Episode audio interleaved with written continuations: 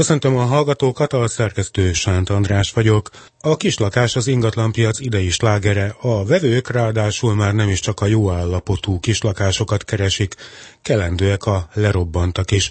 Tudtuk meg Mester Nándortól, az ingatlan tájoló szakértőjétől. Egyértelmű, hogy a kisebb méretű lakások felé tolódott el a kereslet. Ez nagyon érdekes, mert az év elején még pont a fordítottjáról lehetett adatokat összegyűjteni. Ennek az az oka, hogy az év elején vált ismerté a csok támogatási rendszer néhány alapeleme. Ezek között olyan kitételek is voltak, amelyek kifejezetten a nagyobb méretű lakásokat preferálták. Időközben azonban nyár folyamán kiderültek újabb részletek, és lazítás történt, ez pedig a kisebbek felé tolt el a keresletet. A másik, és talán a fontosabb ok, az, hogy a lakásárak emelkedése az soha nem látott ütemben zajlott idén is. Igaz, hogy a második fél évre az ütem az csökkent, ugyanakkor az első fél év alapján olyan magasra szöktek az árak, hogy a lakásokat keresők jelentős része, mint egy 40-45 százaléka kénytelen volt a túlságosan drága árak miatt is inkább a kisebb lakások felé mozdulni. Igen fontos trend, hogy miután túlságosan drágák lettek az új építésű lakások a keresők egy részének, a felújítandó, kisebb méretű lakások felé mozdultak el. Tehát nem csak a jó állapotú kicsiket nézik, hanem azokat is, amelyek lerobbantak, teljes felújításra szorulnak. Ezt viszonylag olcsón tudják megszerezni, és időközben, ez pedig a harmadik trend, a lakáshitelezés is lassan beindult, és egyre többen tudnak néhány millió forintot fölvenni annak érdekében, hogy felújítsák ezeket a lerobbant lakásokat. Egyébként eh, mekkora alapterületet tart a magyar piac kislakásnak manapság? Olyan 35 és 50 négyzetméter közötti, tehát ez egy jelentős vízválasztó.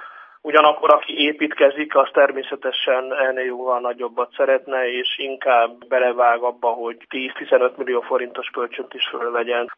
Van még egy érdekesség, ez pedig az ingatlan fejlesztőknek, a lakás beruházóknak a helyzete. Ígéretes az ő pozíciójuk, szinte már az asztalról, úgymond az asztalról, tehát tervrajz szinten el tudnak adni nagyon sok új lakást, még pedig nem is olcsón.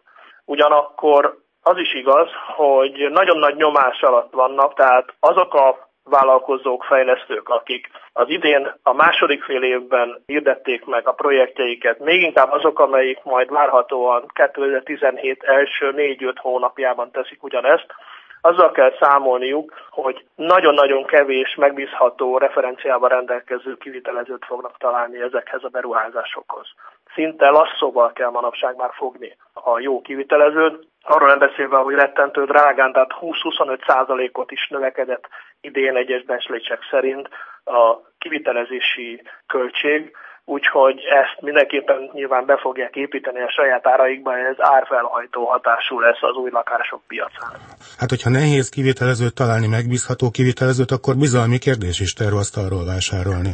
Ez abszolút így van, úgyhogy én azt gondolom, hogy a 2017-es év feltétlenül egy fordulópont lehet abból a szempontból, hogy ha ez a bizalom megtörik, akkor két dolog lehetséges, vagy nem lesznek új beruházások, nem indulnak el konkrétan, tehát meghirdetik őket, de a kivitelezés nem indul el, legalább egy évet másfelet csúszik, ez viszont visszalépteti a már elkötelezett, legalábbis szóban elkötelezett lakásvásárlókat, és egyfajta stagnálásra lehet számítani, ami nem kedvező a piacnak.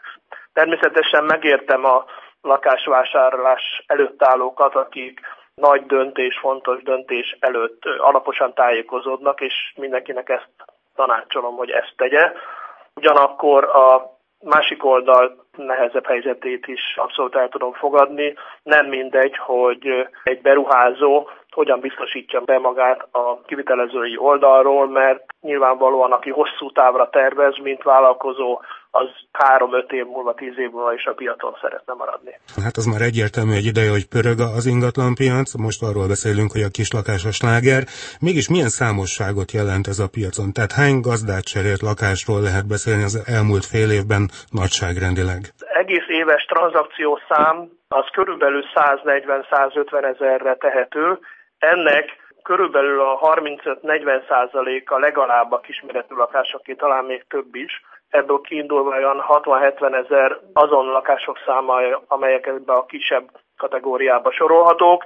Ezek között vannak téglaépítésű, 4-6 emeletes régebbi bérházban lévő kisebb lakások, és igen erőteljesen növekedett a panellakások forgalma 2016-ban. Nem csak a forgalma, hanem ezek átlagára is, szinte az egész ország területén. Mester Nándort, az ingatlan tájoló szakértőjét hallották.